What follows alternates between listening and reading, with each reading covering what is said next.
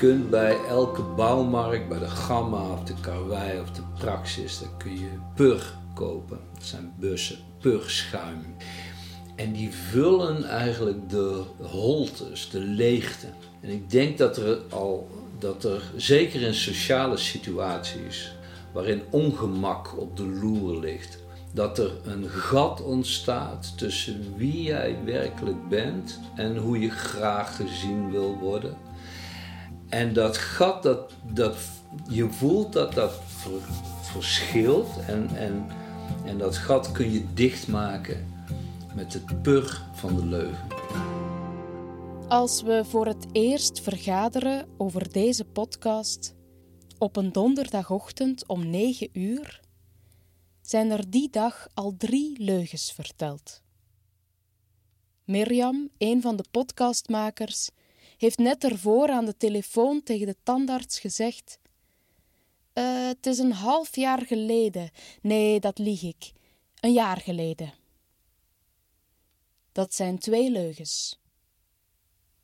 Stan, onze eindredacteur, heeft op een appje van een vriendin met de vraag of hij voor hun afspraak wil blijven eten, geantwoord: Nee, kom na het eten. Het is aan mij om te koken vanavond.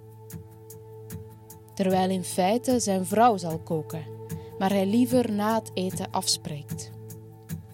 Het is negen uur in de ochtend en de teller staat op drie leugens. Op de vraag of dan niemand anders gelogen heeft, zwijgen drie mensen. Wellicht tellen we er dus nog meer. De reden dat ik met jou wilde praten hierover is eigenlijk omdat ik door jou in de afgelopen jaren eigenlijk anders tegen liegen aan ben gaan kijken.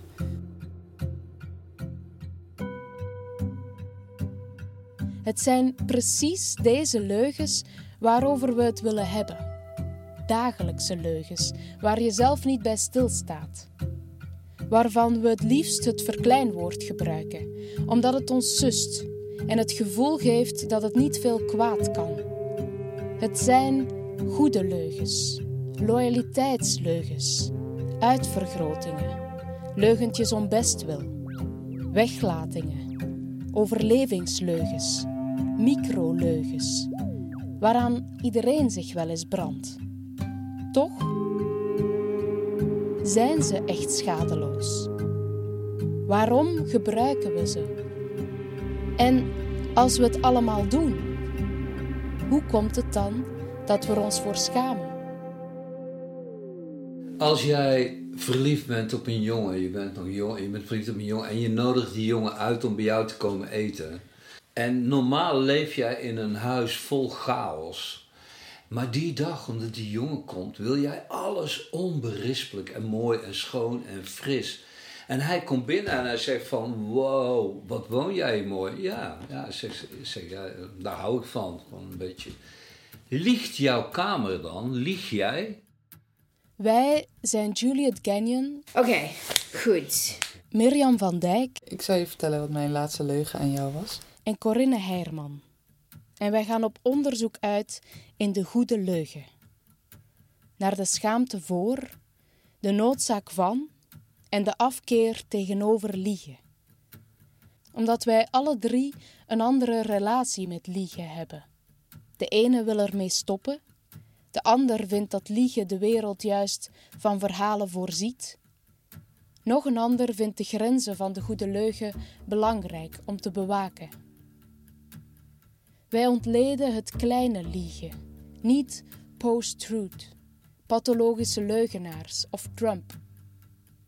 Al is de link natuurlijk snel gemaakt, net zoals in micro en macro ook maar één letter verschil zit. Dat is ook lastig. Dat is ook lastig en ik zou af en toe wel de waarheid willen zeggen, maar dat kan niet. Dat kan echt, dat, dat, dat, dat doe ik niet. Dat, dat, dat, dat gaat dan omdat ik dat lastig vind. Ja. Maar daar help ik haar niet mee, hè? De Goede Leugen is onderdeel van het nieuwe podcastprogramma Drie uur s'nachts. Drie uur s'nachts benadert het moment waarop je wakker wordt. Je bent alleen. Alles ligt nog stil. Je ademhaling gaat op en neer, net zoals je gedachten. Het lijkt wel of weerwolven en diepe vertwijfeling gelijk staan aan elkaar. Je bent helemaal bloot. Je bent hier. In drie uur s'nachts hebben we het over deze angsten, twijfels, zorgen, taboes. Precies dat piekeren. In de eerste editie maken we vijf afleveringen over de leugens die we vertellen. Tegen onze geliefden, onze kinderen, onze vrienden, onze artsen en onszelf. Dit alles muzikaal ondersteund door Axel Lukien en geïnitieerd door Watershed. De eerste aflevering gaat online op 10 december op alle podcastkanalen. Erewoord.